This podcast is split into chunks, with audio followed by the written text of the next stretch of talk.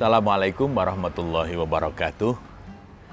Suatu ketika teman saya cerita protes dengan orang tuanya. Karena apa? Perbedaan pandangan pada saat mengasuh cucu, mengasuh anak. Jadi teman ini merasa pada waktu kecil itu diperlakukan oleh sangat keras oleh orang tuanya. Orang tuanya otoriter dan sedikit salah itu hukumannya keras sekali. Nah tetapi begitu sampai kepada cucu, nah ini yang kemudian teman saya protes. Cucu ini dimarahi saja tidak boleh. Tidak boleh sama kakek neneknya. Padahal dulu bapak ini waktu kecil diperlakukan dengan sangat keras. Jadi dia merasa, tuh saya saja dikerasi, ini mosok cucu dimarahi aja tidak boleh. Belum dikerasi, baru dimarahi sedikit saja, tidak boleh. Ada beberapa kakek nenek yang memang kemudian memperlakukan cucu sedemikian rupa. Sebetulnya, kalau bicara soal harapan, tentu semua orang tua punya harapan yang sama, termasuk kakek neneknya. Ingin anak-anaknya, cucu-cucunya bahagia. Bagaimana agar anak bisa berkembang menjadi pribadi yang happy, percaya diri, mandiri, kemudian sukses di sekolah, bisa menghargai orang lain, menjadi anak manis, likable. Nah, yang menjadi persoalan adalah ada yang itu hanya tinggal sebagai harapan karena dalam kenyataannya implementasinya berbeda dengan apa yang diharapkan. Sementara ada orang tua yang karena memang punya keterampilan di dalam pengasuhan, di dalam parenting, apa yang menjadi harapan itu bisa dia terjemahkan dengan baik dalam realitas kehidupan sehari-hari. Maka anak ini betul-betul bisa menjadi berkembang menjadi anak yang mandiri, bertanggung jawab, menghargai orang lain, sukses di sekolah, dan seterusnya. Secara teori, kalau di dalam psikologi, model pengasuhan yang bisa mengantarkan anak menjadi happy, percaya diri, mandiri, yang seperti itu adalah pengasuhan yang otoritatif. Orang juga sering menyebutnya sebagai model yang demokratis. Kenapa disebut otoritatif? Karena pengasuhan itu sebetulnya secara garis besar bisa dibedakan menjadi empat. Ada empat kuadran.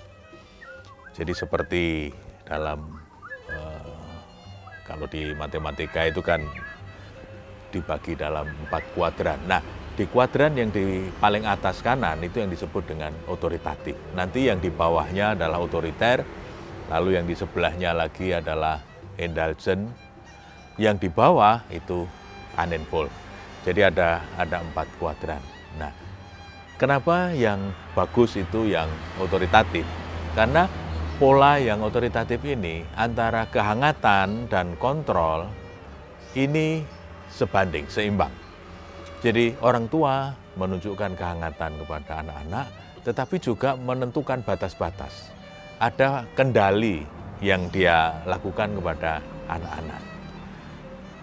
Ringkasnya begini, model yang otoritatif itu caranya bagaimana orang tua mengasuh anak-anak. Pertama, dia lebih menekankan kepada positive reinforcement jadi dengan pengukuhan yang positif. Jadi dia lebih banyak memperhatikan sisi-sisi positif dari anak dan kemudian ketika itu terjadi, dia kemudian memberikan pengukuhan yang positif.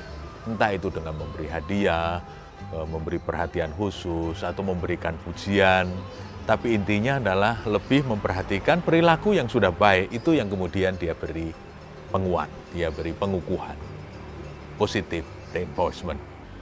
Yang kedua, dia paham dengan perasaan dan kemampuan anak-anaknya. Jadi karena dia memahami perasaan dan kemampuan anak-anaknya itu menjadi lebih mudah untuk memberikan perlakuan yang tepat. Yang ketiga, buat learning environment yang lebih positif. Jadi di rumah, dalam pergaulan sehari-hari, itu menjadi lingkungan pergaulan yang sangat kondusif. Lingkungan belajar yang ya mungkin sambil bermain dia belajar banyak hal tentang kehidupan.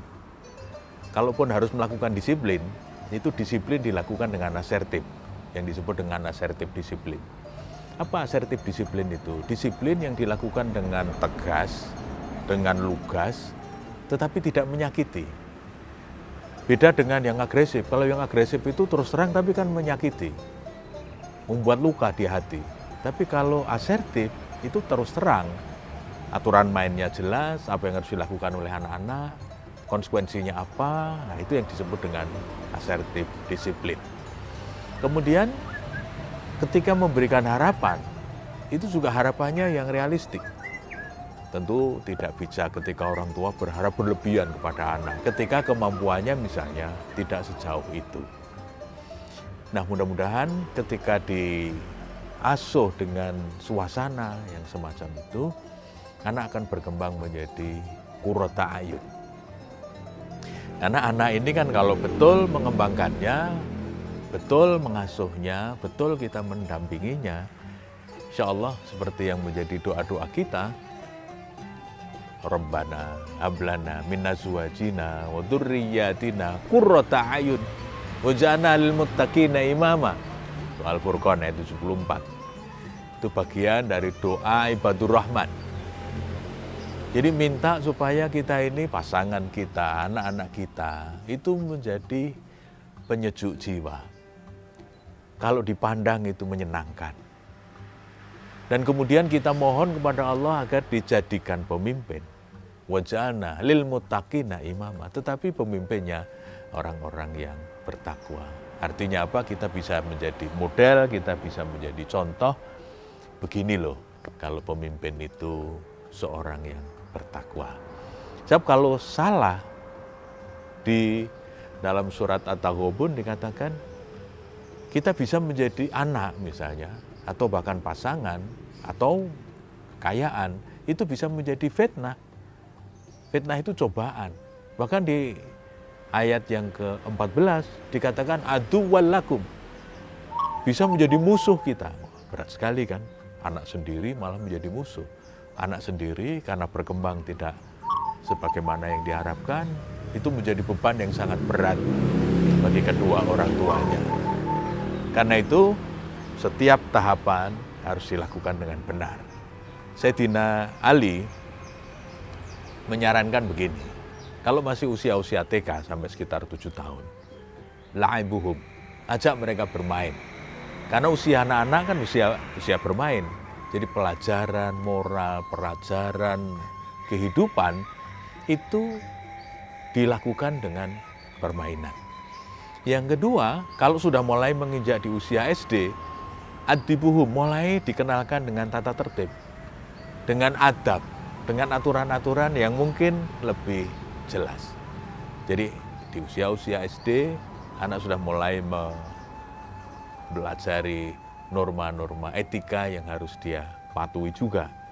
Itu di usia-usia SD. Tapi nanti kalau sudah mulai masuk SMP, sudah mulai remaja, kata Sayyidina Ali, Rafiquhum, orang tua harus bersikap lebih bersahabat.